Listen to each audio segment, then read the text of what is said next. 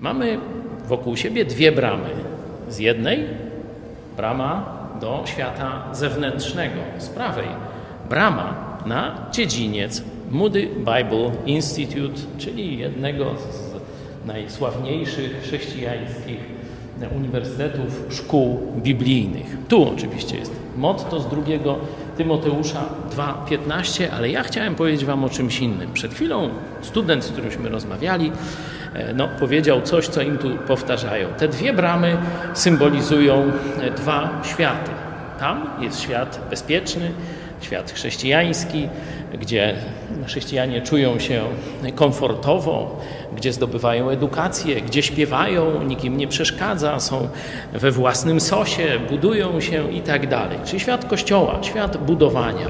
Tu jest świat zewnętrzny, pełen zła, pełen grzechu, ale to jest nasze pole misyjne. I teraz pytanie, czy Kościół zostanie tylko tam? Bo to jest potrzebne. Budowanie jest bardzo ważnym elementem życia chrześcijańskiego, nakazanym w Biblii.